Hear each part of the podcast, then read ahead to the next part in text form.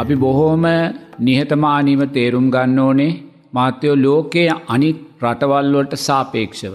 අපේ රටේ විනාස වෙන්න තියෙන අපේ රට දුරාචාරයට වැටෙන්න තියෙන අපේ රට අකුසල් සංස්කාරයන්ගේ විපාකයන්ට ලක් වෙන තියෙන අවස්ථා වැඩි.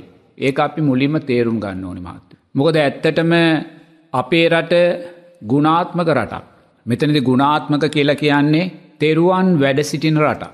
එතකොට බුදුරජාණන් වහන්සේ පිරිනිවන් පාන්න මොහොතකට පෙරාතුව කියනවා මගේ ඇවෑමෙන් ශාස්තුන් වහන්සේ බවට පත්වෙන මේ උතුම් ධර්මවිනි. එනම් ජීවමාන ශාස්තුන් වහන්සේ වැඩ සිටින රටක් මේ රට. ඒ නිසාම උතුම් ධර්මරත්නය උතුම් සංගරත්නය මේ සමාජය තුළ වැඩඉන්න.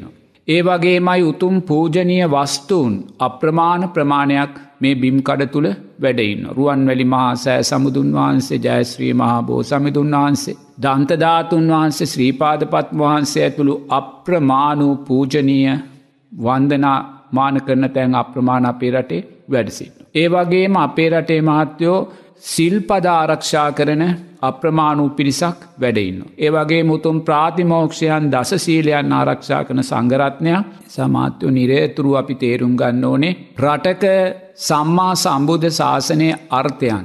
යම් ප්‍රමාණකටෝ ශක්තිමත් වෙලා තියෙනවනං එවැනි රටවල් මහත්තයෝ අකුසල් කරගන්න ස්භාවයන් වැඩි. එක හොඳට තේරුම් ගන්න නෑ මොකද බුදුරජන් වහන්සේ මේ නියසිලට ගන්න පස් ප්‍රමාණයයි සද්ධාව ඇතිකරගත් අයි ඉන්නවායි කියලා අපිට දේශනා කරලතින්. එනිසා අපි නිරේතුරුව දක්ෂ වෙන්න ඕන හිතන්න අපේ සමාජය කෝටි දෙහෙකට වැඩි ජනතාවක් හිටියත් මේකෙන් මහත්වයෝ අපි ලක්ෂ විසි පහක් ගත්තත් ඒගොල්ලො සීලයක් තුළ ශක්තිමත් වෙන පිරිසක්.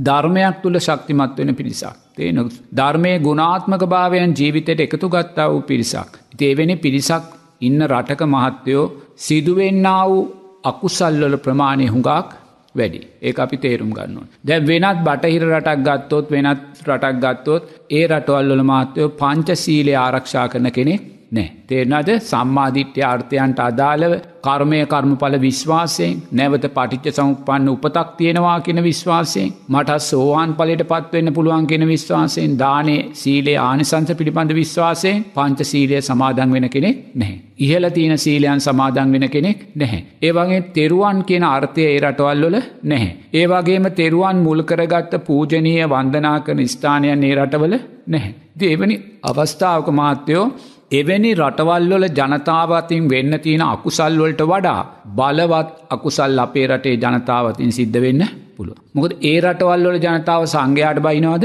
සංඝයාට දොස් කියනවාද සිල්වතුන්ට බයිනවාද ඒ මොකක්කොත් කරන්නේ නැහැ. එතොට ඒ රටේ මනුස්සෙක් හොරකමක් කළොත් එයා හොරකං කරන්න මිත්‍යා දෘෂ්ටික කෙනෙකුට අයිති දෙයක්. සම්මාධිට්ටිටාපු කෙනෙක්ගේ නෙමේ. ඒ රටේ කෙනෙක් මංකොල්ලයක් කෑවොත් එයා මංකොල්ල කන්නේ මහත්වයෝ මිත්‍යා දෘෂ්ටික කෙනෙක්ගේ දෙයක් සම්මාධිට්්‍යයට පත්වෙච්ච කෙනෙක් චේතනාන්විතව සිල්පද පාක්ව සමාධන් වෙච්ච කෙනෙක් නෙමේ. ඒ රටේ කෙනෙක් මනුස්ස ඝාතනයක් කළොත් ඝාතනය වෙච්ච මනුස්සයා සිල්පද පහ ගැන දන්න කෙනෙක් නෙමේ කර්මය කර්මඵල විශ්වාසයක් දන්න කෙනෙක් මැරිලා නැවත උපදිනවායි කියලා දන්න කෙනෙක් නෙමේ. නමුත් මහත්තයෝ ඒ රටේ කෙනෙක් ජනතාවගේ මුදල් හොරකං කළොත් තියෙන එහෙමත් තියෙනන්නේ දේශපාලක් නායකයෙක් ඇමති කෙනෙක් මන්ත්‍රී කෙනෙක් ඒ රටවල්වල ජනතාවගේ මුදල් හොරකං කොළොත්. එම නැතම් බාණ්ඩාගාරය මුදල් හොරකං කොළොත්. මාත්‍යයෝ ඒ බාණ්ඩාගාරයට මුදල් ගෙවන කිසිම කෙනෙක්වත් සම්මාධිට්්‍යයට පත්වෙලා නැහැ. එකොල කර්මය කර්මඵල විශ්වාසය හඳුන නැති පිරිසත් තමයි ඒ රටේ බාණ්ඩාගාරයට බඳ මුදල්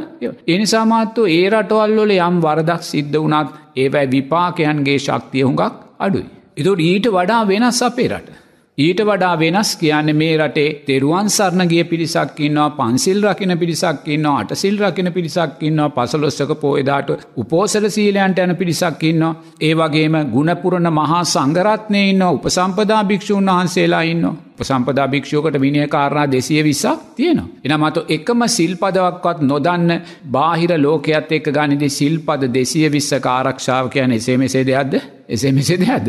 නවත් බටහිර ලෝකයා එක සිල්පදයක්වත් දන්නේ නැහැ. බටහිර ලෝකයා එක සිල්පදයක් නොදන්නාකොට අපේ මහා සංගරත්නය උපසම්පදා භික්ෂුව සිල්පද දෙසිය විස්සක් ආරක්ෂා කර. අපිකම දුසීලෙන් දුරුවල ස්වාමීන් වහන්සේලා ඉන්නවා. නමුත් උන්වහන්සේලා වනත් අපි කියම සිල්පද සීයක් ආරක්ෂා නො එක සිවිස් අභිනෙන්න්න පුළුවන්. එනමතු එක සිල් පදයක්වත් ආරක්ෂා කරන්න ඇති ලෝකයක් ඉදිරියේ ඒ නොබිදුුණු සිල් පද සීය කියන්න අයෝමය බලයක්. ඒ වගේ සාමනයට සීලේ රකින පිරිසක් ඉන්න. ඒ වගේ මයි මහත්ව අපේ රටවල්ලොල මනුස්සෙක් තව මනුස්සෙකුට පාරක් ගැහුවොත් ඔස්ට්‍රේලියාවේ මනුස්සෙක් ඒරට කෙනෙකුට පාරක් ගානට වඩා බලවත් අකුසල් වැඩි තේන්න මොකුද මේ මනුසය ගුණාත්මක කෙනෙක්. අපේ කෙනෙක් කෙනෙක්ගෙ දෙයක් මංකොල්ල කෑවොත් සමාරවිට එයා මහත්තයෝ පන්සිල් රකින කෙනෙක් වෙන්න පුළුවන්. එය අසාධාන්ට ලක්වුණ කෙන. තේ නටසිල් රකින කෙනෙක් වෙන්න පුළුවන්. එනම් ඒ මංකොල්ල කාපු කෙනාට ලැබෙන්න්න විපාකයන් බලවත් වැඩි. තු බලන දැන් අපේ රට සංවර්ධනය අතින් ආර්ථිකය අතින් බින්දුවටම වැටල තියෙන රට. බින්දුවට වැටුනේ ඇයි ජනතාවගේ මුදල් සොරකම් කිරීම මංකොල්ල කෑම නිසාමයි. එතුරේ සොරකම් කළේ මංකොල්ල කෑවේ කාගේ මුදල්ද.